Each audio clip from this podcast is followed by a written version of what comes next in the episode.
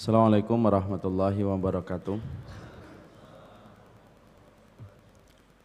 Innal hamdalillah wassalatu wassalamu ala Rasulillah wa ala alihi wa sahbihi wa man tabi'ahum bi ihsan ila yaumil qiyamah. Jamaah Bapak dan Ibu yang semoga Allah rahmati dan Allah berkahi. Alhamdulillah tentunya kita senantiasa bersyukur kepada Allah atas seluruh nikmat yang Allah berikan kepada kita Allah maha baik dan Allah sempurna di dalam sifat-sifatnya. Dan salah satu di antara kesempurnaan sifat yang kita rasakan secara langsung Allah tidak pernah menghentikan laju nikmatnya pada kehidupan kita walaupun kita sering sekali membalas kenikmatan dengan kemaksiatan.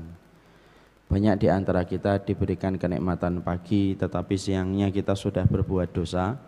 Diberikan kenikmatan sore tetapi malamnya kita sudah berbuat maksiat tapi itu pun tidak pernah menjadi alasan bagi Allah untuk menghentikan seluruh nikmat yang ia berikan pada kehidupan kita. Udara segar masih kita rasakan, air-air yang segar masih kita rasakan untuk membasahi kerongkongan kita, sandang, papan, dan pangan masih sempurna kita peroleh. Dan itulah yang menjadikan kita beruntung ketika kita telah mengimani Allah sebagai Rabb yang kita sembah, karena dialah Rob yang berhak disembah ketika menguasai alam semesta. Dan tentunya yang kita syukuri bukan hanya kenikmatan-kenikmatan pada lahiriah semata, tetapi yang kita syukuri adalah kenikmatan-kenikmatan dalam persoalan ukhrawi. Ketika kita diberikan kenikmatan pada ibadah dan ketaatan, maka itu pun kita syukuri. Karena tidak ada ibadah yang kita peroleh, tidak ada ketaatan yang kita dapatkan, dari seluruh rangkaian ibadah kita itu kecuali itu semata-mata pertolongan Allah. Kita bisa rukuk, kita bisa sujud, kita bisa sedekah sampai kita berkumpul habis subuh semacam ini itu pun karena pertolongan Allah.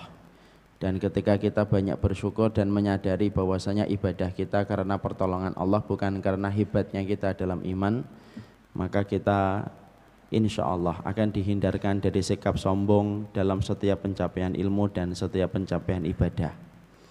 Karena kita faham di antara perkara yang bisa menjadi sebab kesombongan itu bukan hanya harta. Di antara perkara yang bisa menjadi sebab kesombongan itu bukan hanya jabatan, tetapi ilmu dan ibadah pun bisa menjadi sebab kesombongan. Makanya Imam Ibn Qayyim itu berkata, orang sombong itu ada tiga, semuanya tercela dan semuanya berpotensi memasukkan manusia ke dalam neraka. Yang pertama ada orang yang sombong dengan hartanya. Yang kedua ada orang yang sombong dengan jabatannya dan yang ketiga ada orang yang sombong dengan ilmu dan ibadahnya. Tiga-tiganya ini tercela. Tetapi di antara tiga kesombongan ini yang paling buruk itu adalah nomor tiga. Orang yang sombong dengan ilmu dan ibadahnya. Orang kalau sombong dengan hartanya, maka walaupun itu tercela, tetapi akal sehat kita mampu memaklumi. Ada orang kaya raya, rumahnya mewah, mobilnya mewah. Mungkin sekali sarapan 5 juta habisnya. Ini songong betul orang kayak gini. Tapi setidaknya bahwasanya memang hartanya banyak kok. Makanya akal sehat kita memaklumi walaupun itu tercela. Kalau ada orang yang sombong dengan jabatannya kita memaklumi memang jabatannya diincar banyak orang dan dia mempergunakan jabatan itu dan dia mempergunakan jabatan itu untuk perkara-perkara yang dia inginkan dan dia bisa menentukan apa pun yang dia mau. Tapi yang aneh, yang susah diterima oleh akal sehat itu orang yang sombong dengan ilmu dan ibadahnya. Ilmunya belum tentu 100% benar, ibadahnya belum tentu 100% diterima dan ibadah itu pun kalau bukan karena pertolongan Allah tidak akan terselenggara ibadah tersebut. Kok bisa sombong itu yang disombongkan apanya? Dan itulah yang menjadikan kita sekali lagi berdoa bahwasanya kita berharap tidak ada kesombongan dalam setiap ilmu yang kita dapatkan dan semoga tidak ada kesombongan kita di dalam setiap ibadah yang kita kerjakan karena itulah yang menjadikan kita bersyukur atas seluruh apa yang Allah mudahkan dalam ketaatan kita. Kepada Allah kita bersyukur dan kepada Allah kita menggantungkan segala urusan kehidupan kita dan semoga Allah selalu menolong kita dan tidak meninggalkan kita walaupun sekejap mata. Amin insyaallah. Kita pada kesempatan hari ini akan melanjutkan kajian kitab kita. Kajian kitab yang sudah kita lewati hampir tiga tahun lebih, tapi tidak habis-habis karena ustadznya sering undur dan tidak mengisi. Dan kita pada kesempatan hari ini akan melanjutkan kajian kita, yaitu kajian 40 karakteristik mereka yang dicintai oleh Allah Subhanahu wa taala. Tentunya sebagaimana yang sering saya sampaikan di dalam mukaddimah kita tentunya mengetahui bahwasanya cintanya Allah dengan cintanya manusia itu memiliki banyak perbedaan. Bahwasanya cintanya manusia itu tidak bisa didefinisikan. Makanya kalau kita mendengar kisah cintanya manusia dengan manusia yang lainnya, kita sering sekali mendengar banyak sekali ragam dan banyak sekali variasi orang itu jatuh cinta. Coba dengarkan orang-orang yang mereka memiliki kisah-kisah romantisme dalam percintaan hidup mereka di dalam keluarga. Banyak alasan yang menjadikan orang itu jatuh cinta. Ada yang jatuh cinta karena alasan suaminya itu perhatian. Ada orang yang jatuh cinta karena alasan mungkin suaminya enak diajak ngobrol. Bahkan tidak sedikit kadang-kadang alasan orang jatuh cinta itu sesuatu yang sifatnya remeh. Kenapa kamu jatuh cinta sama dia karena giginya gingsul. Nah, itu salah satu penyebab orang kadang-kadang jatuh cinta. Artinya tidak bisa didefinisikan. Tetapi beda dengan cintanya Allah. Cintanya Allah itu bisa didefinisikan dengan petunjuk yang kita baca di dalam kitabullah dan sunnah. Karena untuk mendapatkan cintanya Allah itu tidak bisa diraba-raba. Untuk mendapatkan cintanya Allah itu tidak bisa diduga. Tetapi untuk mendapatkan cintanya Allah itu harus betul-betul melalui petunjuk yang kita baca di dalam kitabullah dan sunnah. Siapa pun yang mengikuti petunjuk yang disampaikan oleh Allah dan Rasulnya, maka pasti dia akan mendapatkan kabar-kabar langit yang Allah sampaikan melalui wahyu dan akan mendapatkan kabar-kabar kebenaran yang disampaikan oleh Nabi di dalam hadisnya yang berisi petunjuk apa saja yang bisa menjadikan diri kita dicintai oleh Allah. Apakah penting diri kita mengejar cintanya Allah? Iya. Karena puncak dari perilaku dan perbuatan yang kita lakukan itu adalah bagaimana kita mendapatkan cinta dari Allah dan ridhanya Allah. Dan itulah yang menjadikan kita membahas kitab 40 karakteristik mereka yang dicintai oleh Allah supaya kita tidak menebak-nebak perkara apa yang menjadikan kita dicintai oleh Allah dan kita tidak menerka-nerka apa saja yang bisa menjadikan kita dicintai oleh Allah tetapi cukup kaji saja setiap ayatnya pelajari setiap hadisnya maka dua itu akan menghantarkan kita kepada cintanya Allah sekarang kita akan membahas bagaimana sifat yang kedelapan yang akan kita bahas pada kesempatan hari ini karena sudah ada tujuh sifat yang telah kita pelajari dari perkara-perkara yang menjadikan diri kita dicintai oleh Allah. Sifat yang pertama orang yang dicintai oleh Allah yaitu adalah mereka yang menyucikan diri. Artinya mereka senantiasa menjaga kesucian dirinya dengan wudhu dan dia dalam kondisi suci. Dia tidak nyaman, dia tidak rela ketika dia berhadas. Tidaklah dia berhadas kecuali menyucikan diri. Allah itu senang kepada mereka yang suci.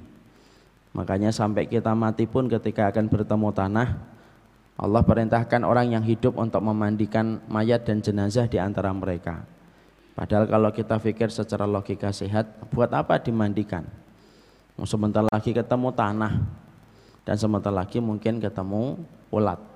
Tapi di situ menjelaskan kepada kita, urusan kesucian itu urusan besar di sisi Allah. Makanya salah satu penyebab adab kubur bukan hanya zina, tetapi salah satunya adalah ketika kita tidak sempurna di dalam membersihkan air kencing yang kita miliki. Yang kedua orang yang bertaubat, yang ketiga orang yang berbuat baik, yang keempat orang yang mengikuti syariat, yang kelima orang yang sabar. Yang keenam orang yang bertakwa. Yang ketujuh orang yang bertawakal. Dan itu tujuh perkara yang sudah kita pelajari. Bapak ingat atau tidak ingat, eh, saya serahkan itu kepada Allah Subhanahu wa taala. Kita akan membahas sifat yang kedelapan.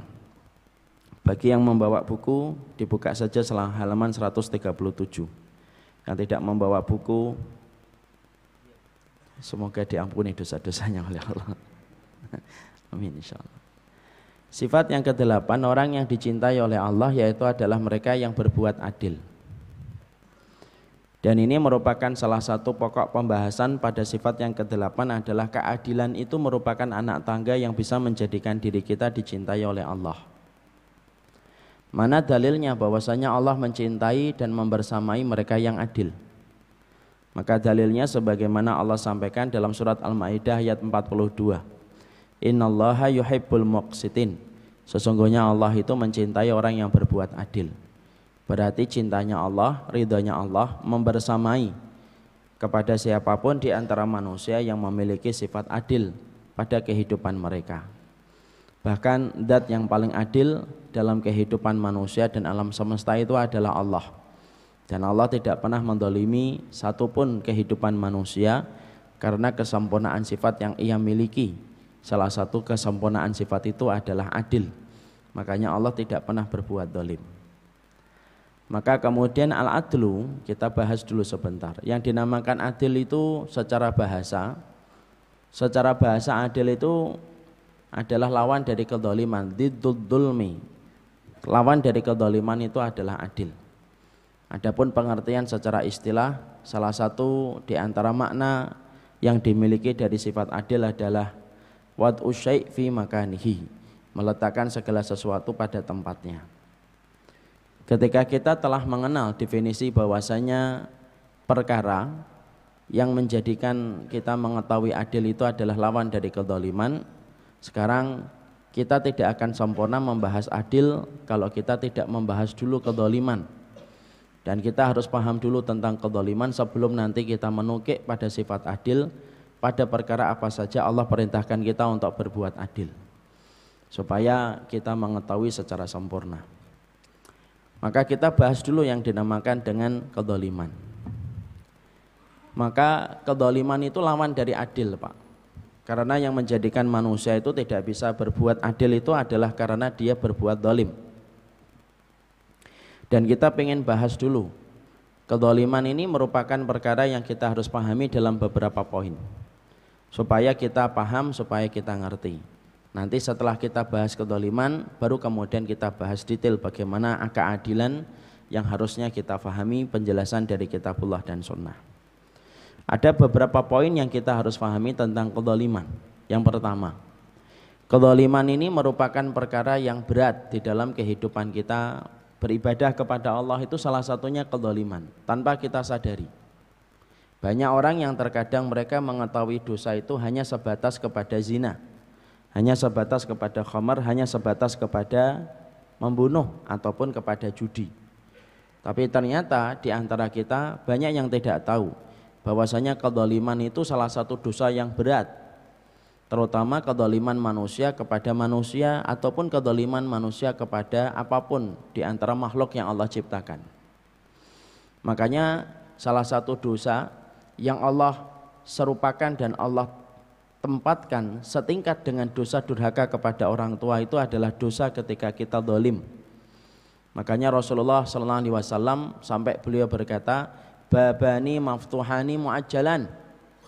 Ada dua dosa yang kemudian Allah segerakan. Balasannya di dunia sebelum nanti juga Allah akan balas dalam kehidupan di akhirat. Jadi ada dua dosa, dibalasnya Allah itu dua kali. Karena dosa-dosa yang lainnya itu terkadang tidak dibalas di dunia tapi dibalasnya di akhirat. Ada orang yang bunuh tapi hidupnya tenang Pak, ketawa-ketawa setelah dia bunuh. Dan dia merasa nyaman ketika habis membunuh, tapi nanti adabnya pasti menanti di akhirat. Tapi ada dua dosa yang Allah pasti bayar kontan dan cash. Dan itu ada dua. Yang pertama al-ukuk, durhakanya kita kepada orang tua maka itu dibayar oleh Allah di dunia dibayar di akhiratnya dibayar lagi. Dan yang kedua dosa yang kemudian dibayar dua kali itu dosa kepada kedoliman ketika manusia itu berbuat dolim maka itu utang. Kalau ente tidak membayar hari ini besok. Kalau tidak membayar besok lusa. Kalau tidak membayar lusa pekan depan. Tapi yang jelas sebelum ente mati ente harus membayar kedoliman yang pernah ente berikan kepada manusia sebelum nanti pun akan dibalas lagi dalam kehidupan di akhirat kedoliman itu akan disempurnakan lagi adabnya oleh Allah. Makanya sampai Allah sampai Rasulullah bersabda ittaku minal dzulmi fa innahu dzulumatun yaumal qiyamah. Kamu itu mbok takut sama kedoliman yang kamu berikan kepada manusia fa innahu dhulumatun yaumal qiyamah karena sesungguhnya kedoliman itu kegelapan kelak pada waktu hari kiamat. Makanya kedoliman itu selalu dibayar cash pak, kontan itu. Siapa pun manusia yang mereka berbuat dolim, siapa pun manusia yang mereka berbuat perkara yang menyakiti dari saudaranya, maka Allah yang akan membalaskan setiap apa yang telah dia lakukan. Dan kita ingat, orang yang sudah berbuat dolim, kalau orang yang kita dolimi kemudian diam harusnya kita ketakutan. Kenapa? Berarti orang kalau kita sudah dolimin kok diam berarti dia menyerahkan kepada Allah dan Allah kalau sudah diserahi urusan dari hambanya yang terdolimi maka Allah pasti akan melaksanakan apa yang telah Allah sampaikan. Allah yang akan membayar kedoliman itu secara tuntas. Syekh Nabil, salah satu ulama yang saya ambil ilmunya, pernah bercerita, Pak tentang sebuah kisah nyata yang kita juga bisa lihat di YouTube. Ada seseorang itu berbuat dolim kepada tikus. Dolim sama tikus doang. Di mana ketika dia menangkap tikus mungkin karena gemas, sebel, berbagai macam hal yang membuat dia akhirnya sebel sama tikus itu. Dan ketika tikus itu ditangkap, bukannya langsung dibunuh. Sebenarnya kita membunuh tikus boleh? Boleh, tidak ada masalah. Tapi saking gemesnya, dia tidak sadar kalau akhirnya berbuat dolim. Tikus itu bukan langsung dibunuh, Pak. Tikus itu dibakar. Ya, ujung ekornya itu diguyur dengan minyak, kemudian dibakar. Dolim dia kepada tikus. Padahal membunuh tikus itu sebenarnya sudah diperbolehkan oleh syariat kalau memang sudah melampaui batas. Boleh membunuh tikus. Tapi kalau kita membunuh tidak boleh kita menyakiti. Menyembelih kambing boleh, tapi tidak boleh menyakiti. Maka kemudian ketika dibakar itu ekornya, maka entah kenapa tiba-tiba tikus itu terlepas dari jepitan besi yang dipakai untuk menjepit tikus itu. Sampai akhirnya tikus itu ketika kesakitan dia masuk ke dalam rumah orang yang membakar ekornya. Dan ketika masuk, maka dia tidak bisa dihentikan karena laju kecepatannya yang luar biasa disebabkan rasa sakit yang dia dapatkan dari ekornya yang dibakar. Akhirnya menyentuh banyak barang-barang yang mudah terbakar dari kondisi ekornya yang sudah terbakar itu. Dan ternyata tidak sampai satu jam rumah orang yang membakar itu juga ikut terbakar bersama dengan tikus yang ia bakar ekornya. Syekh Nabil itu sampai mengatakan dari peristiwa tikus itu dia berkata Kalaulah seekor tikus yang sebenarnya itu boleh bagi kita untuk membunuhnya, tapi ketika di antara kita membunuhnya dengan cara dolim, maka sesungguhnya Allah yang kemudian membayarkan apa kedoliman yang didapatkan itu. Sampai rumah orang yang membakar tikus itu pun ikut terbakar. Tepat sebagaimana dia telah membakar tikus itu dengan cara yang dolim. Itu tikus pak, apalagi orang. Itu tikus, apalagi orang. Makanya sampai kita dapatkan sebuah hadis yang sangat terkenal, ada seorang wanita itu disiksa oleh Allah di neraka. Bukan karena dia berzina, bukan karena dia minum khamr. Tapi ada seorang wanita yang akhirnya mereka itu dimasukkan ke dalam neraka itu disebabkan karena dia mendolimi kucing. Nah, lebih besar daripada tikus. Sampai kemudian Nabi mengatakan udibat imra'atun fi hiratin sajanatha la hiya atlaqatha wa ta'kulu min khasyasyil ada seekor ada seorang manusia ada seorang wanita disiksa oleh Allah dimasukkan ia ke dalam neraka disebabkan karena kucing yang dia dolimi dimasukkan kucing itu di dalam satu kamar dan tidak dibiarkan kucing itu untuk berkeliaran di atas muka bumi untuk memakan rumput-rumput yang ada di atas muka bumi sampai kucing itu akhirnya mati disebabkan wanita itu mendolimi ketika mengurung kucing itu dalam kamar dan tidak memberikan makan wanita itu akhirnya disiksa oleh Allah kata Rasulullah Inilah dua contoh untuk membuka pikiran kita. Bahwasanya kalaulah tikus dan kucing kita dolimi yang notabene mereka itu adalah hewan. Ketika didolimi akhirnya menyebabkan kehidupan kita. Dibalaskan kedoliman itu dari apa yang dilakukan. Itu baru sebatas hewan. Apalagi ketika kita mendolimi manusia Pak. Makanya kedoliman itu merupakan perkara yang berat dan tidak pernah menjadi perkara ringan. Dan banyak orang yang hari ini kadang-kadang tidak sadar bahwasanya dia mendolimi. Makanya Allah tidak pernah memulai satu surat di dalam Al-Quran Sampai dengan kata wailun, wailun itu celaka. Tapi wail itu juga salah satu nama neraka itu juga wail. Allah tidak pernah memulai satu surat kecuali dengan kata wail kecuali dalam dua surat. Yang pertama wailul lil mutafifin. Celaka sekali bagi mereka yang mengurangi timbangan. Artinya dolim ketika kita mengambil hartanya orang lalu kita tidak bayarkan. Dan yang kedua wailul likulli humazatil lumazah yaitu celaka sekali bagi orang yang mengumpat dan menghujat. Ini celaka ini orang yang kemudian mendolimi saudaranya dengan lesannya berarti ada dua perkara yang sangat diperhatikan oleh Allah dari saudara kita supaya kita tidak terjerumus kepada dosa besar ketika mendolimi. Satu jaga hartanya. Kalau kamu utang kamu harus bayar. Kok kamu tidak ut kalau kemudian tidak bayar ketika kamu sudah hutang ingat adabnya itu adalah rohnya kamu nanti di antara langit dan bumi sampai utang yang kamu miliki itu dibayarkan atau yang kedua, jangan kemudian mendolimi saudara antum dalam masalah kehormatan. Kalau antum sudah menghujat, kalau antum sudah mengumpat, lalu antum menjatuhkan kehormatannya dalam titik yang paling rendah, maka sesungguhnya kalau dia tidak terima atas apa yang kita lakukan dan kita kerjakan, cash dan kontan, Allah akan yang membayarkan itu karena kita harus paham, kedoliman itu perkara yang besar dan bukan perkara yang kecil. Makanya sampai Rasulullah SAW ketika beberapa puluh hari sebelum beliau meninggal dunia salah satu yang dilakukan oleh Rasulullah itu apa? ngumpulkan para sahabat Nabi. Dikumpulkan semua para sahabat Nabi. Lalu kemudian Nabi itu karena khawatir bahwasanya beliau pernah mendolimi dan beliau khawatir karena kedoliman itu kalau dibawa mati maka hukumannya itu akan berat dan salah satunya dikurangi pahala-pahala yang akan dilakukan pahala-pahala yang dilakukan. Kalau kita kedoliman itu sampai bawa mati maka Nabi mengumpulkan para sahabat. Lalu kemudian Nabi bertanya, siapa di antara kalian yang pernah saya pukul? Siapa di antara kalian yang pernah saya dolimi? Hari ini kalian tuntut bayarannya dari saya. Sebelum datang satu hari tidak bermanfaat anak dan tidak bermanfaat harta yang saya miliki. Maka para sahabat saat itu nangis terbawa perasaan yang mereka dengarkan dari perkataan Rasulullah. Dan tidak ada satupun sahabat yang berani untuk meminta kepada Rasulullah karena mereka ridho. Tapi ada satu sahabat pak yang maju lalu kemudian berkata, ya Rasulullah engkau pernah memukulku. Para sahabat yang lainnya kaget. Kemudian Rasulullah dengan tenang berkata, oke, okay, Toyib kalau memang saya pernah memukul kamu, sekarang kamu pukul saya. Diserahkan itu kemudian kayu kepada sahabat tadi. Lalu sahabat tadi kemudian berkata, ya Rasulullah, engkau memukulku ketika aku lagi tidak dalam kondisi memakai baju. Dalam kondisi ketika engkau mengatur kami dalam berperangan dan saat itu saya tidak punya baju. Rasulullah buka pak bajunya pak. Para sahabat semakin tertunduk dan tidak ada yang tega untuk melihat Rasulullah akan dipukul.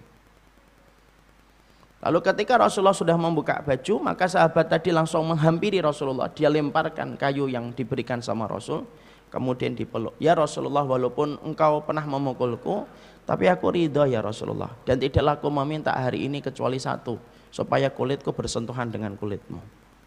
Tapi yang kita dapatkan hati-hatinya Rasulullah. Sampai dikumpulkan para sahabat yang kemudian pernah mungkin beliau dolimi dan dikumpulkan supaya tidak menjadi pemberat dalam urusan beliau kelak dalam kehidupan di akhirat. Dan itu menunjukkan kepada kita kedoliman itu bukan perkara ringan Pak. Ketika diri kita tidak bisa berbuat adil kepada saudara kita. Poin yang pertama, dolim itu bukan perkara ringan. Makanya kita dapatkan orang-orang kalau sudah berbuat dolim itu pasti dibayar oleh Allah. Orang kalau berbuat dolim tak, tidak ada yang tenang pak. Kita contoh ya kita lihat Amerika ketika mendolimi saudara-saudara kita di Irak, saudara-saudara kita di Afgan, banyak tentara-tentara Amerika itu ketika pulang stres mereka, frustasi. Banyak di antara tentara-tentara itu harus berhadapan dengan para psikolog ketika di Amerika. Karena apa? Frustasi mereka. Dan itu salah satu yang dibayarkan oleh Allah sebelum mereka mati. Bukan hanya orang kafir, Pak. Orang mukmin itu banyak yang kemudian mereka itu mendolimi, kemudian akan dibayarkan oleh Allah itu secara kontan. Makanya kita dapatkan salah satu, oh orang. Salah satu sahabat ada yang pernah mendolimi saat bin Abi Waqqas. Saat bin Abi Waqqas itu dituduh tidak becus ketika kemudian dalam urusan sholat. Padahal saat bin Abi Waqqas salah satu sahabat besar. Salah satu sahabat yang kemudian doanya mustajab. Tapi kemudian dia difitnah, didolimi, dihancurkan kehormatannya. Maka kemudian saat itu saat bin Abi Waqqas karena betul-betul mendapatkan sifat fitnah yang ditujukan kepadanya itu betul-betul terus menerus itu kemudian dia dapatkan akhirnya saat bin Abi Waqqas itu berdoa Doanya orang yang terdolimi. Ketika kehormatannya kemudian dijatuhkan. Ketika dia dituduh bahwasanya dia tidak becus ketika ngurusin rakyatnya dan ketika dia dituduh tidak becus ketika dia menjadi imam sholat. Maka saat bin Nabi Waqqas kemudian berdoa dan ketika beliau berdoa beliau berkata, Ya Allah kalau orang yang mendolimi saya hanya karena riak, hanya untuk mendapatkan sesuatu dari sesuatu yang hina ketika dia memfitnah saya, Tolong ya Allah timpakan kepadanya tiga perkara. Atas kedoliman yang dia berikan kepada saya, maka bayarlah dengan tiga perkara. Satu, panjangkan umurnya. Dua, miskinkan terus ya Allah. Dan yang ketiga, kasih dia fitnah sebelum dia mati. Dan ternyata tiga-tiganya kemudian dikabulkan oleh Allah. Orang yang memfitnah saat bin Nabi Waqqas radhiyallahu anhu, umurnya panjang. Dalam satu riwayat lebih dari 80 tahun sampai kemudian rambutnya beruban. Sampai kemudian alisnya nyambung itu ke bawah itu. Saking kemudian panjangnya umur. Dalam kondisi beruban pula alisnya. Kemudian miskin terus Pak. Dalam satu riwayat dijelaskan dia tidak punya rumah dan seringnya itu ngeper di pinggir jalan. Itu pun masih ada fitnah. Dia suka menggoda perempuan-perempuan yang lalu lalang di depannya. Kalau ditanyakan kepadanya, kenapa kamu goda? Kamu sudah tua, kamu harusnya tidak melakukan hal yang semacam itu.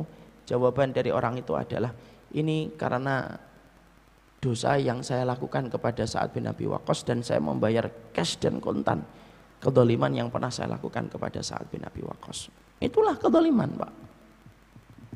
Makanya kemudian kita dapati pula Hasan bin Sabit salah satu sahabat Nabi pernah terkelincir ketika dia pernah termakan mentah-mentah apa yang disampaikan oleh orang munafik dan sampai menuduh ibunda Aisyah itu berzina. Dan di antara orang yang menuduh ibunda berzina, ibunda Aisyah berzina itu Hasan bin Sabit, Pak. Padahal ini penyairnya Rasulullah.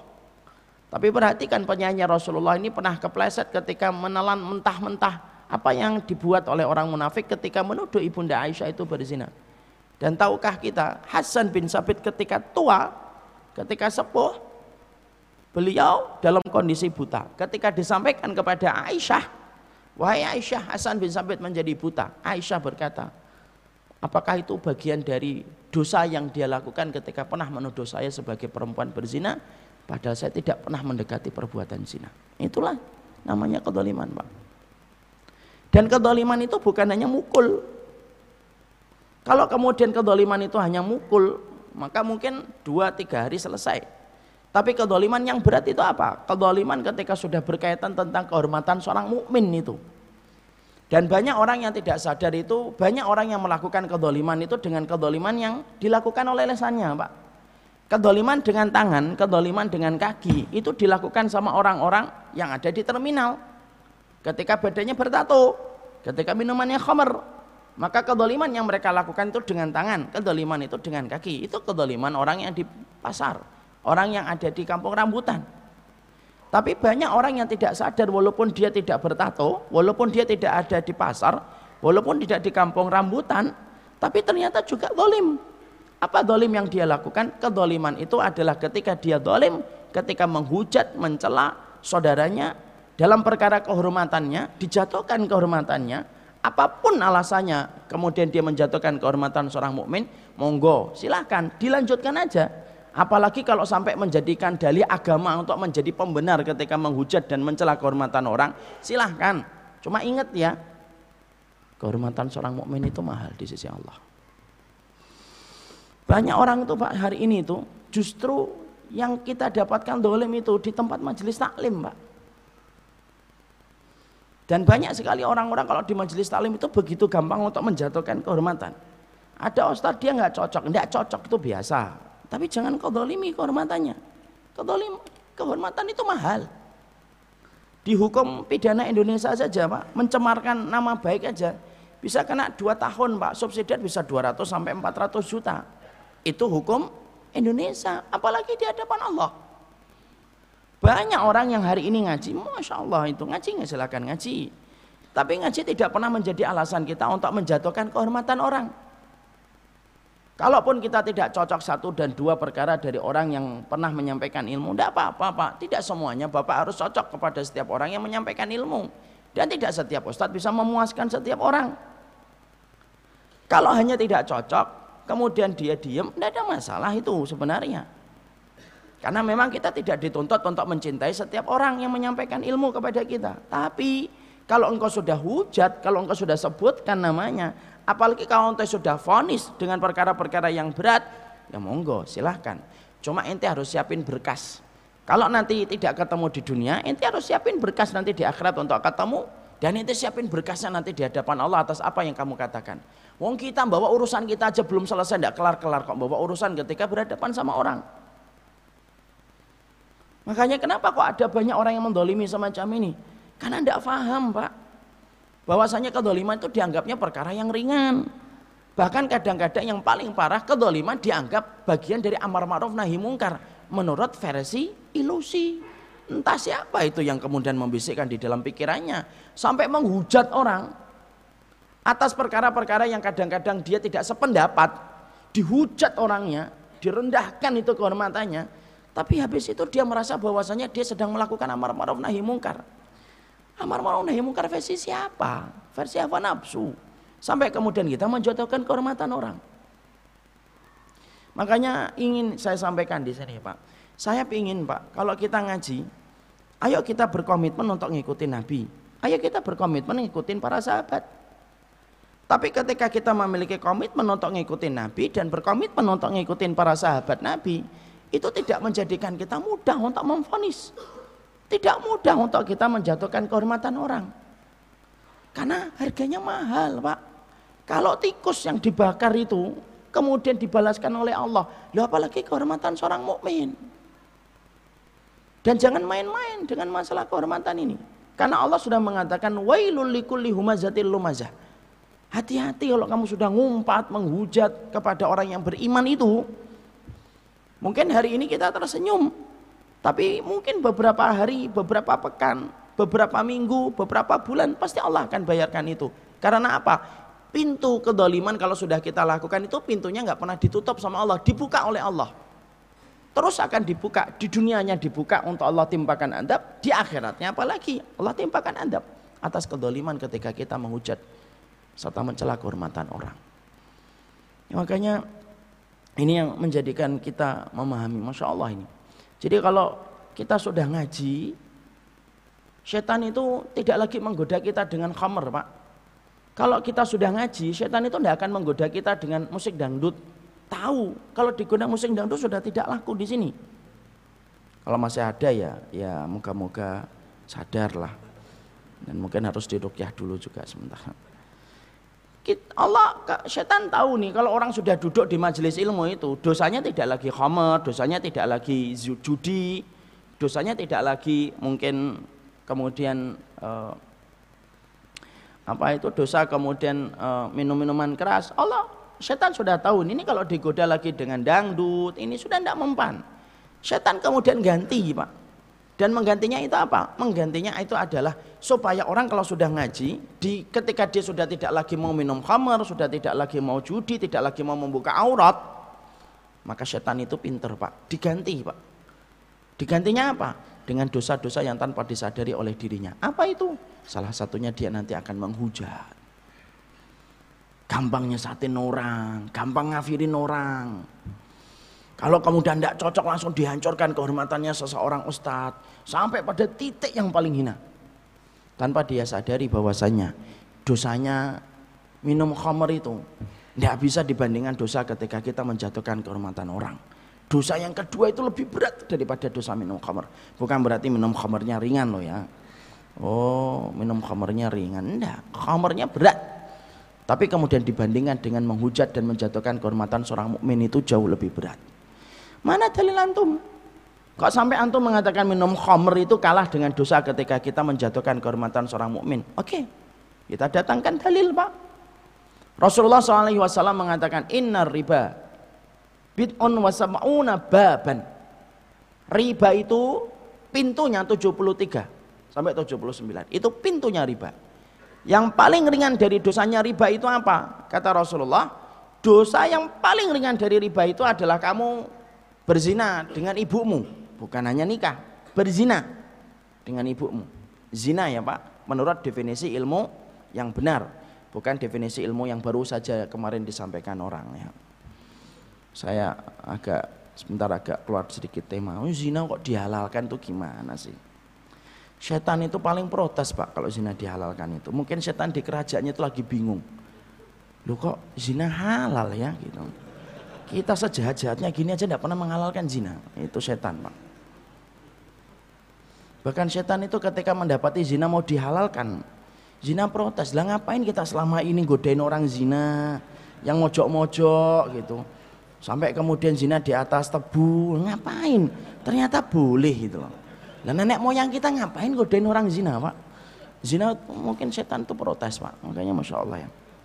Luar biasa fitnah hari ini. Sampai zina aja dilakukan katanya boleh selama dilakukan dengan seksual partner atas dasar suka sama suka di tempat private. Masya Allah. Semoga Allah merahmati beliau dan memberikan hidayah sama beliau. Amin. Insya Allah. Kita kembali ke tadi. Mana dalilnya Ustadz bahwasanya antum mengatakan dosa ketika menjatuhkan kehormatan seorang mukmin itu lebih parah daripada dosa ketika kita minum khamr. Dosanya itu dalilnya adalah ketika kita membaca dalil riba. Rasulullah menjelaskan sesungguhnya riba itu pintunya 73 sampai 79 yang paling ringan dari dosa riba itu apa? Ketika kamu berzina dengan ibumu. Yang paling berat dari dosa riba itu kayak apa ya Rasulullah? Ketika kamu melanggar kehormatan seorang mukmin dan kamu langgar dengan cara yang tanpa hak. Itu lebih dari 73 kali Pak. Dan mungkin pernah saya sampaikan di sini kalau ada perempuan zina dia di pinggir jalan menjajakan dirinya dan tubuhnya selama 60 malam Pak berturut-turut dengan orang ketika dia sudah menghujat saudaranya, mencela saudaranya, dijatuhkan kehormatannya. Bisa jadi yang kedua itu lebih berat daripada yang berzina sampai 60 kali berturut-turut. Bukan berarti zinanya juga ringan, enggak, zina berat. Tapi di situ kita kemudian mendapati itulah bagaimana dalil yang disampaikan supaya kita paham, Pak. Makanya kalau orang sudah melakukan dosa, kalau dosanya itu berkaitan tentang kepada haknya Allah, itu masih bisa untuk ditebus dengan tobatan nasuha.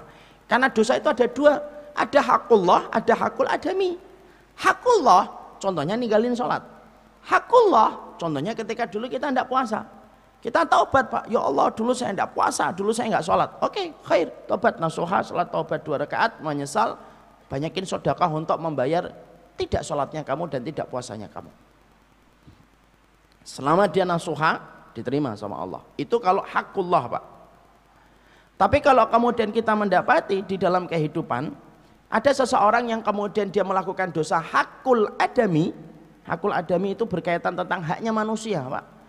Kalau berkaitan haknya manusia tidak akan diampuni oleh Allah sampai manusia yang engkau hujat, sampai manusia yang engkau dolimi itu memberikan maaf dan keridhaan kepada dirimu, baru kemudian kamu akan diampuni oleh Allah. Kalau manusia yang kamu dolimi meminta pertanggungjawaban di hadapan Allah, ente harus siapin itu di hadapan Allah untuk berhadapan dengan dirinya. Dan itu berat pak. Orang mukmin itu konsepnya adalah mempersedikit penggugat dia dalam kehidupan di akhirat. Itu konsepnya orang mukmin. Orang mukmin kok ngaji, kemudian memperbanyak penggugat yang nanti akan dihadapi di akhirat. Eh, kayak kita ini sudah ada jaminan aja ketika di akhirat Orang mukmin itu konsepnya kalau memandang hari akhir itu apa? Konsepnya orang mukmin ketika memandang hari akhir itu apa? Dia itu akan mempersedikit penggugat yang akan dia temui dalam kehidupan di hadapan Allah. Dan itu kemudian yang kita harus pahami. Kenapa? Kedoliman itu besar. Kedoliman itu merupakan perkara berat. Dan dolim itu bukan hanya mukul Pak. Kalau saya yakin di sini itu enggak kemudian kayak preman lah, enggak mukul. Enggak nendang. Tapi ada kezaliman yang kadang-kadang tanpa kita sadari kita lakukan. Dan itu justru dilakukan sama orang-orang yang mereka duduk di majelis ilmu ketika mereka gampang menghujat dan mencela. Disesatin, dihujat, dikatain. Dan itu berat di di dalam kehidupan kita beribadah kepada Allah. Itu yang pertama, Pak. Makanya saya kagum sama saudara saya. Ada saudara saya itu kalau kemudian dia ngobrol, sering sekali kalau beliau kemudian ngobrol itu kalau beliau ngobrol itu selalu ha, ha, ha, ha, apa kalau mau selesai itu selalu berkata maafin saya ya kalau saya ada salah. Ini suami dari sepupu saya pak. Saya bilang apa sih mas? Enggak lah enggak ada yang salah insya Allah lalu beliau berkata ya mungkin pasti ada kata-kata yang mungkin melukai hati pokoknya maafin ya kalau saya salah dan itu dilakukan pak setiap dia ketemu orang dan setiap ngobrol sama orang dan ketika saya tanya, kenapa sih mas selalu ngomong kayak gitu? Karena saya membaca hadis yang paling berat setelah syirik yang saya khawatirkan terjadi kepada saya. Saya mendolimi orang tanpa saya sadari dan itu akan menjadi perkara berat di hadapan Allah. Kata-kata itu kena ke saya Pak. Kata-kata itu kena ke saya. Tapi itulah orang mukmin Pak. Ketakutan dia. Konsepnya orang mukmin itu mempersedikit menggugat. Maaf ya Pak, dolim itu, walaupun yang mendolimi itu, mau dia berjenggot kah, mau dia seorang yang berilmu kah, mau dia orang yang baca kitab mampu kah, orang yang kemudian bisa membaca riyadus solihin kah, ente kemudian memiliki pondok kah, ente memiliki jamaah taklim kah, tapi kalau kemudian ente sudah mendolimi, nah itu sama Pak kedudukannya di hadapan Allah. Jangan mentang-mentang setelah kita bisa baca kitab akhirnya kemudian kedoliman kita harus kemudian tidak dianggap dolim gitu mentang-mentang kemudian kita membaca hadis arba'in mentang-mentang kemudian kita membaca hadis riyadus salihin mentang-mentang kita membaca kitab jamil ulum wal hikam gitu kemudian kita bebas ngomong gitu sama orang-orang yang kemudian tidak sependapat dengan kita gitu ada aturannya di dalam kita beragama ada aturannya ketika kita berbeda ada aturannya pak Wong main bola yang kemudian tidak ada manfaatnya terlalu besar aja, ada ada aturannya. Padahal manfaatnya tidak terlalu besar kecuali untuk olahraga. Lah urusan agama, Pak. Lalu kemudian kita tanpa kita sadari kita tidak berbuat adil sama saudara kita. Orang yang beriman kita hujat habis-habisan. Hanya mungkin satu dua kesalahan yang mungkin dia lakukan. Mungkin satu dua pendapat yang mungkin tidak sependapat dengan pendapatnya kita. Lalu ente jatuhkan kehormatannya. Loh, atas dalil mana yang memperbolehkan dan membolehkan perkataan antum dan kedoliman kita itu kepada saudara kita? Ada, Pak.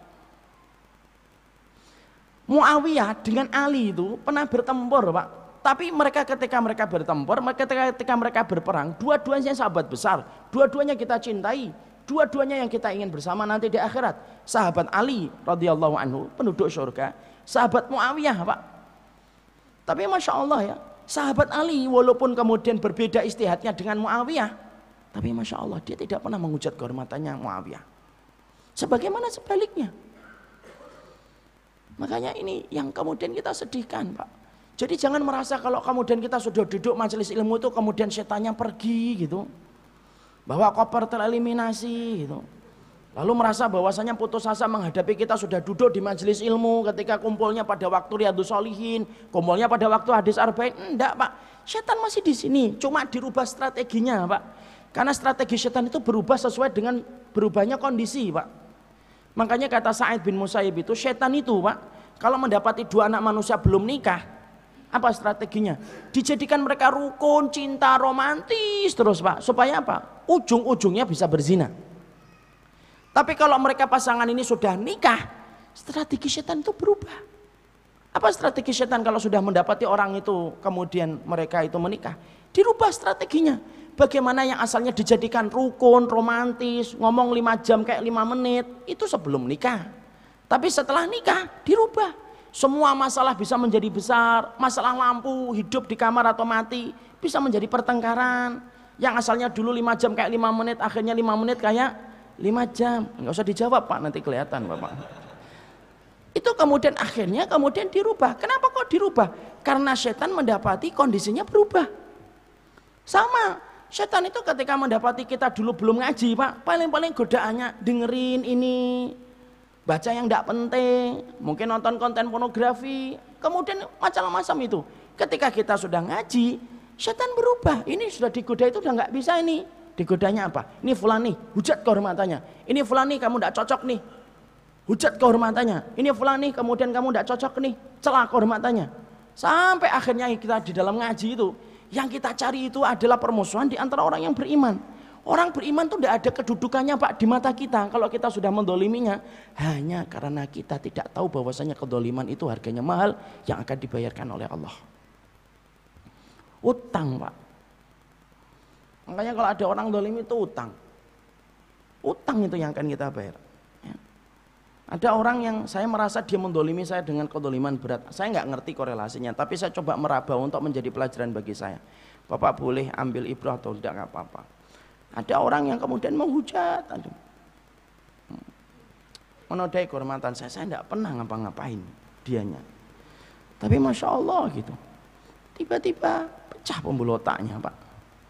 Saya tidak ngerti itu apakah itu adalah memang bagian dari takdirnya Allah ataukah tidak. Tapi banyak orang yang akhirnya bersyukur ketika mendengar dia pecah pembuluh otaknya itu banyak orang yang kemudian merasa terdolimi oleh dia itu bersyukur ya Rob. Akhirnya engkau berikan apa yang engkau janjikan kepada lisan Rasulmu ketika kedoliman itu utang yang akan dibayar. Itu jadi ibrah pak saya. Dan jadi pelajaran juga buat saya pak. Karena itu harganya mahal di sisi Allah. Makanya kalau kita ngaji, ayo kita berkomitmen ngikutin Nabi Ustaz? Iya. Kita berkomitmen untuk ngikutin para sahabat? Betul lah Pak. Tapi kalau nanti tiba-tiba ada satu, dua, tiga perkara yang kadang-kadang kita dapatkan ada ustadz yang tidak cocok dengan pendapat yang kita pilih, sudah diam. Kalau memang tidak cocok, ambil pendapat yang menurut kita paling kuat, Pak. Dan kita juga harus mengerti apakah pendapat itu ranahnya perbedaan para ulama ataukah tidak. Karena saya juga harus mengatakan Fikih itu luas Pak. Yang sempit itu hati kita. Jangan sampai kita jadikan fikih itu menjadi kendaraan kita untuk menghantam setiap orang Pak. Kadang-kadang fikihnya itu luas. Hati kita yang sempit yang sering menjadikan fikih dan dalil itu untuk menjadi pembenar ketika kita menghujat orang. Itu yang pertama. Yang kedua, ketika kita bicara kedoliman, maka kalau sudah bicara kedoliman itu yang kedua, disunahkan bagi kita kalau kemudian kita itu sudah terdolimi yaitu kalau kita sudah terdolimi maka yang paling baik kalau kita sudah terdolimi itu adalah bagaimana kemudian kita memaafkan kalau ada yang terdolimi dan ternyata memaafkan pak. Orang yang mendolimi kita dan kita tetap berbuat baik ketika kemudian kita itu memaafkan orang yang mendolimi kita salah satu amalan yang paling berat yang apabila nanti ditimbang di dalam mizan kebaikan kita saking gediknya amalan itu sampai-sampai mizan itu tidak mampu untuk menanggungnya. Ibnu Qudamah itu berkata ada tiga amal yang hampir-hampir saking beratnya tiga amal ini hampir-hampir kemudian mizan itu tidak mampu untuk menanggungnya apa tiga amal yang saking beratnya itu hampir-hampir kemudian mizan kebaikan itu tidak mampu untuk menanggungnya. Satu amalan orang yang sabar Pak. Itu pahalanya gede saking gedenya. Hampir-hampir mizan itu tidak mampu untuk menanggungnya. Saking gedenya pahala orang yang bersabar. Dua amalan Ramadan kalau diterima oleh Allah itu gede pahalanya Pak. Saking beratnya hampir-hampir mizan itu tidak mampu menanggungnya kata Ibnu Qudamah. Dan yang ketiga memaafkan orang yang mendolimi kita dan berbuat baik maka itu termasuk salah satu amal yang begitu berat saking gedenya amalan itu. Ketika ditimbang di dalam mizan maka hampir-hampir mizan itu tidak mampu untuk memikulnya. Saking gedenya pahala bagi orang yang apabila terdolimi ketika dia memaafkan. Tapi bukan hanya memaafkan tapi tetap dia berbuat baik walaupun dia terdolimi. Nah, ini yang berat pak makanya Allah menyampaikan dalam surat Ashura faman afa wa aslaha fa ajruhu Allah siapa pun yang memaafkan orang yang mendolimi dia wa aslaha dan kemudian dia berbuat baik fa ajruhu maka pahalanya Allah pahalanya nanti yang ngasihkan itu Allah Pak. Karena ternyata pahala itu dalam beberapa riwayat disampaikan ada pahala yang ngasihkan pahala itu malaikat ada pahala yang nanti ngasihkannya itu langsung adalah Allah. Saking gediknya keistimewaan dari ibadah ini apa itu pahala yang nanti ngasihkannya itu langsung Allah yaitu orang-orang yang dulunya ketika di dunia terdolimi dia secara sah dan meyakinkan terdolimi tapi dia memaafkan dan tetap berbuat baik sama orang yang mendolimi dia Makanya nanti mereka akan dipanggil oleh para malaikat. Makanya malaikat itu nanti kalau sudah manusia itu berkumpul di padang masyar, Ada orang-orang yang kemudian dipanggil oleh malaikat. Aina haula ajruhu Allah. Jadi kalau manusia dikumpulkan di padang masyar, malaikat itu berkata, mana orang-orang yang pahalanya langsung diberikan oleh Allah dan tidak melalui kami. Maka menyambut seruan itu Pak. Siapa? Bukan orang yang sholat. Siapa yang menyambut seruan itu? Bukan orang yang puasa. Siapa yang menyambut seruan itu? Bukan orang yang kemudian haji dan umroh. Yang menyambut seruan itu adalah orang yang dulu ketika di dunia dia terdolimi, tapi dia memaafkan dan tetap berbuat baik sama orang yang mendolimi dia. Maka mereka kumpul Pak. Lalu ditaruh oleh para malaikat di satu tempat khusus. Pada tempat itu, kata Rasulullah, pada tempat itu Allah langsung memberikan pahalanya langsung dan tidak diwakili oleh para malaikat saking gedenya pahala bagi orang yang memaafkan ketika dia terdolimi dan tetap berbuat baik Pak makanya analoginya Pak Masya Allah ya ini contohnya kalau kita menang kalau juara harapan tiga siapa yang memberikan hadiah kalau juara harapan tiga paling-paling ketua RW kalau kita juara harapan tiga tapi kalau juara satu nah mungkin presiden Pak kenapa yang si presiden bukan RW karena juara satu Pak makanya ada orang yang nanti itu pahalanya saking gedenya itu tidak mampu diukur Pak. Sampai-sampai mizan itu keberatan untuk menanggung pahalanya. Orang yang terdolimi ketika dia memaafkan dan tetap berbuat baik. Bukan hanya memaafkan Pak, disebutkan oleh ayatnya afa wa aslaha. Dia memaafkan, dia tetap berbuat baik. Bapak didolimi orang, Bapak maafin, Bapak tetap berbuat baik. Maka itu pahalanya berat di sisi Allah. Di mana itu saking beratnya nanti diberikan oleh para malaikat ketika pahala itu saking begitu gedenya. Makanya kejadian kayak siapa? Emang ada Ustaz orang yang terdolimi lalu dia memaafkan dan tetap berbuat baik? Ada Pak. Contoh dalam kehidupan para sahabat siapa? Abu Bakar. Abu Bakar itu terdolimi oleh salah satu sahabatnya namanya Mistah bin Usasah. Itu kerabatnya Abu Bakar. Beliau itu kerabat fakir miskin Pak. Saking miskinnya yang ngasih tunjangan per bulan itu Abu Bakar. Tapi ketika ada berita Aisyah berzina, termasuk yang membesarkan beritanya bahwasanya Aisyah itu berzina, Mistah bin Usasah, padahal masih kerabatnya Abu Bakar, masih kerabatnya Aisyah. Masih kerabatnya Abu Bakar, masih kerabatnya Aisyah. Pak. Lalu kemudian Abu Bakar itu bersumpah, demi Allah, saya tidak akan lagi memberikan infak kepada Mistah bin Usasah. Allah turunkan surat An-Nur yang menjadikan hatinya Abu Bakar luluh Pak. Dimaafkan itu Mistah bin Usasa walaupun telah mendolimi menodai kehormatan putrinya Pak. Lalu setelah itu tetap diberikan infak. Secara berbulan sebagaimana kondisi sebelum dia memfitnah Ibunda Aisyah. Dan itu menjadikan kita faham kalau terdolimi ada dua pilihan Pak. Kalau kita terdolimi itu yang diberikan oleh Al-Quran itu dua. Kita boleh membalas sejenis atau kita boleh membalasnya atau kemudian kita memaafkan dan tetap berbuat baik. Boleh nggak saya membalas Ustaz? boleh tapi tidak boleh berlebihan. Wajazah usayyatin sayyatin misliha kalau kemudian kamu diberikan keburukan balas keburukan itu yang sejenis kadarnya sama. Bapak kemudian dihujat sama orang. Babi jawab babi juga. Pas. Itu pas ya sudah. Usah ditambah-tambah. Disebut babi ngamu babi kucing monyet. Ya, cebong kampret. Nah, semuanya dikeluarin. Nah, itu sudah berlebihan. Tidak boleh. Makanya sampai kita mendapatkan ada orang yang terdolimi satu jam sebelumnya satu jam berikutnya dia pihak yang mendolimi. Yasirul madlum doliman ada orang yang terdolimi tapi tanpa sadar ketika membalasnya dia sudah jatuh kepada pihak yang mendolimi atau yang kedua memaafkan Saking besarnya pahala yang kemudian didapatkan itu maka kemudian dia akhirnya mendapatkan kebaikan itu. Makanya kemudian kalau kita terdolimi, walaupun ini berat, kalau hanya memaafkan mudah pak. Yang paling susah itu setelah afa, aslaha, tetap berbuat baik. Bapak biasa ngasih orang bubur ayam, traktir setiap habis ahad subuh, itu biasanya makan bubur ayam. Lo kok mendolimi kita, padahal tiap ahad itu kita makan bubur ayam bareng-bareng. Eh sudahlah, saya maafkan. Dan makan bubur ayamnya tetap kita jalankan. Bahkan kalau bisa makan daging aja supaya lebih baik lagi. Nah ini kayak gini nih mal makanya kemudian kalau terdolimi itu sebenarnya adalah salah satu perkara yang menjadikan kita mendapatkan pahala besar. Tapi kalau semacam ini tidak usah mancing-mancing orang untuk mendolimi setelah tahu keutamaan memaafkan. Tolong dolimin saya dong gitu. Nggak usah gitu Nah itu juga tidak benar. Itu yang kedua. Yang ketiga, terakhir dalam masalah kedoliman. Kita kadang-kadang lupa. Kalau kita terdolimi, kadang-kadang kita harus paham supaya lapang hatinya Pak. Kadang-kadang kita mikir kenapa ya saya didolimi ya. Kadang-kadang juga kita harus berlapang dada. Lalu kemudian kita harus memikirkan kemaslahatan dan hikmah kenapa kemudian kita terdolimi Pak. Kadang-kadang setiap peristiwa yang kita peroleh itu ada hikmah yang besar yang kita pasti akan dapatkan. Rasulullah terdolimi di Mekah. Tapi apa hikmahnya? Lahirlah kota Madinah. Dan akhirnya kota Madinah memberikan kemenangan bagi Rasulullah di dalam dakwahnya.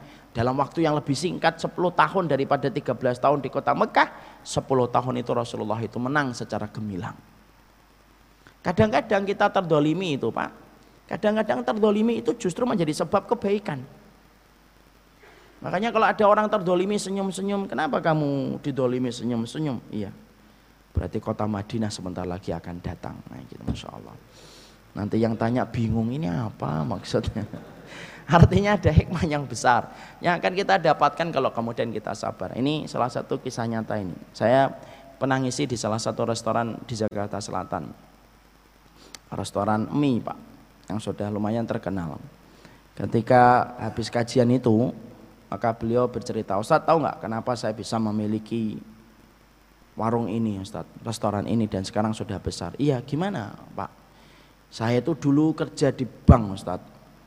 Tiba-tiba saya terdolimi, saya difitnah sama tim saya, satu grup difitnah saya.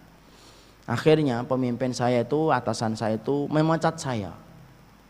Karena tentunya kita paham ya, banyak orang yang mengenal kita, tapi menghakimi kita dengan apa yang kita dengar.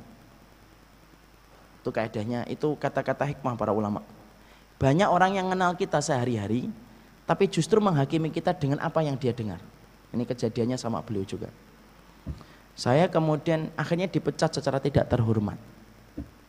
Karena atasan saya lebih banyak mendengar teman saya. Padahal beliau kenal saya jauh lebih lama daripada kenal dengan orang yang memfitnah saya.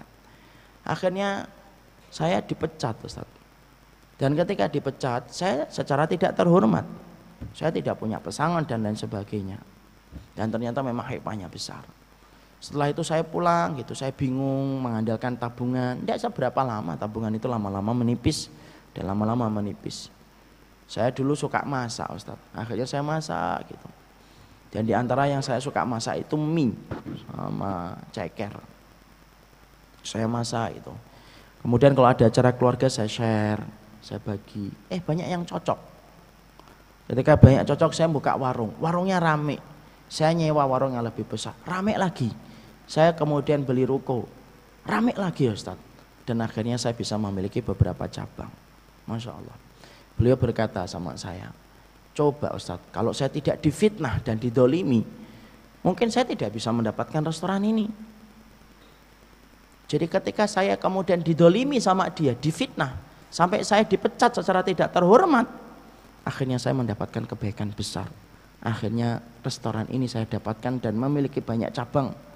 Itu saya dapatkan setelah saya terdolimi dan difitnah sampai dipecat secara tidak terhormat. Masya Allah. Itu hikmah Pak. Ya, jadi kalau Bapak didolimi orang, berarti bentar lagi punya restoran Pak insya Allah. Tapi itu hikmah. Makanya ada sebuah kata-kata yang saya sampaikan ya ada sebuah kisah yang disampaikan oleh kitab yang saya baca di sebuah kitab. Dalam sebuah kitab itu ada seorang raja, Pak. Seorang raja itu pagi-pagi dia ngupas buah. Kemudian secara tidak sengaja qadarullah pisaunya itu mengenai kepada jempolnya, Pak. Dan akhirnya jempol ini mau putus, Pak.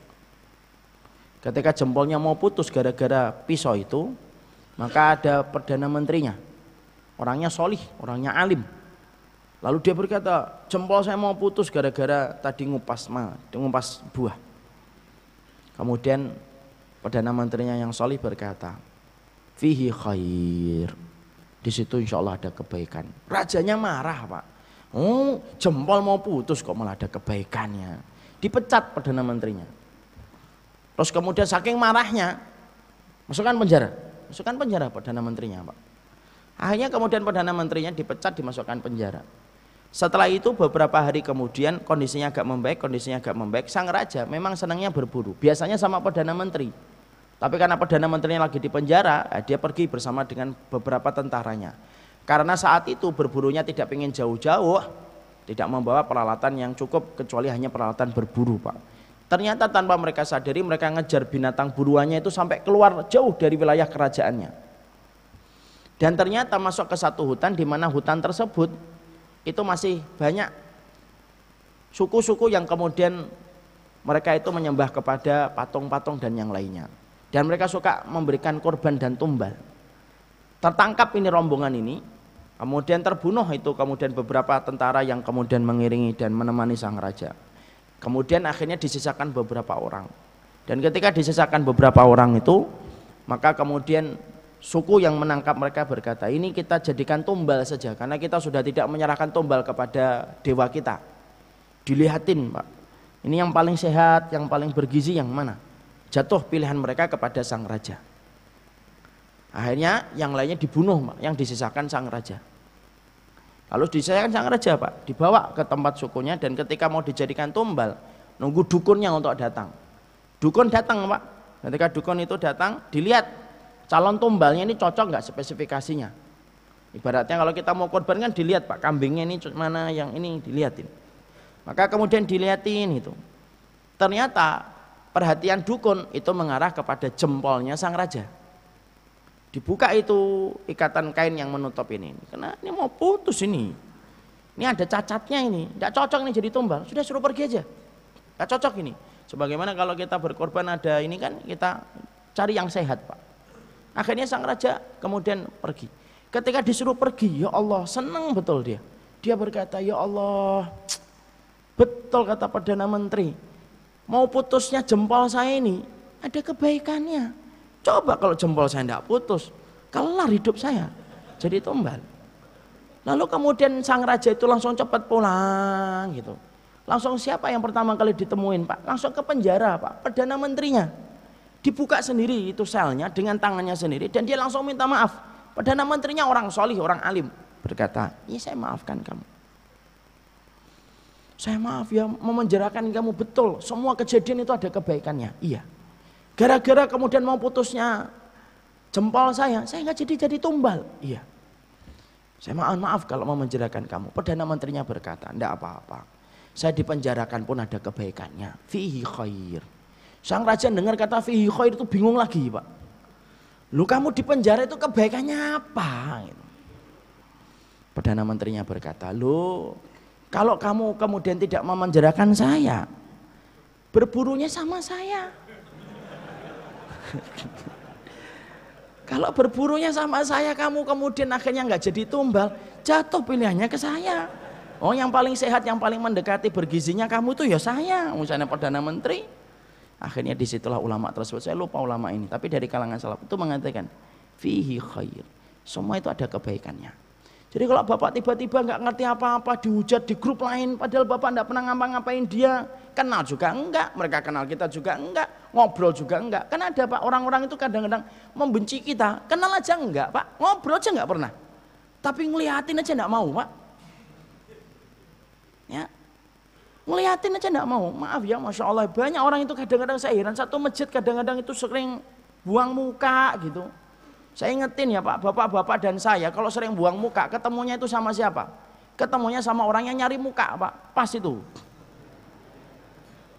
Kok yang situ bergemuruh banget ya?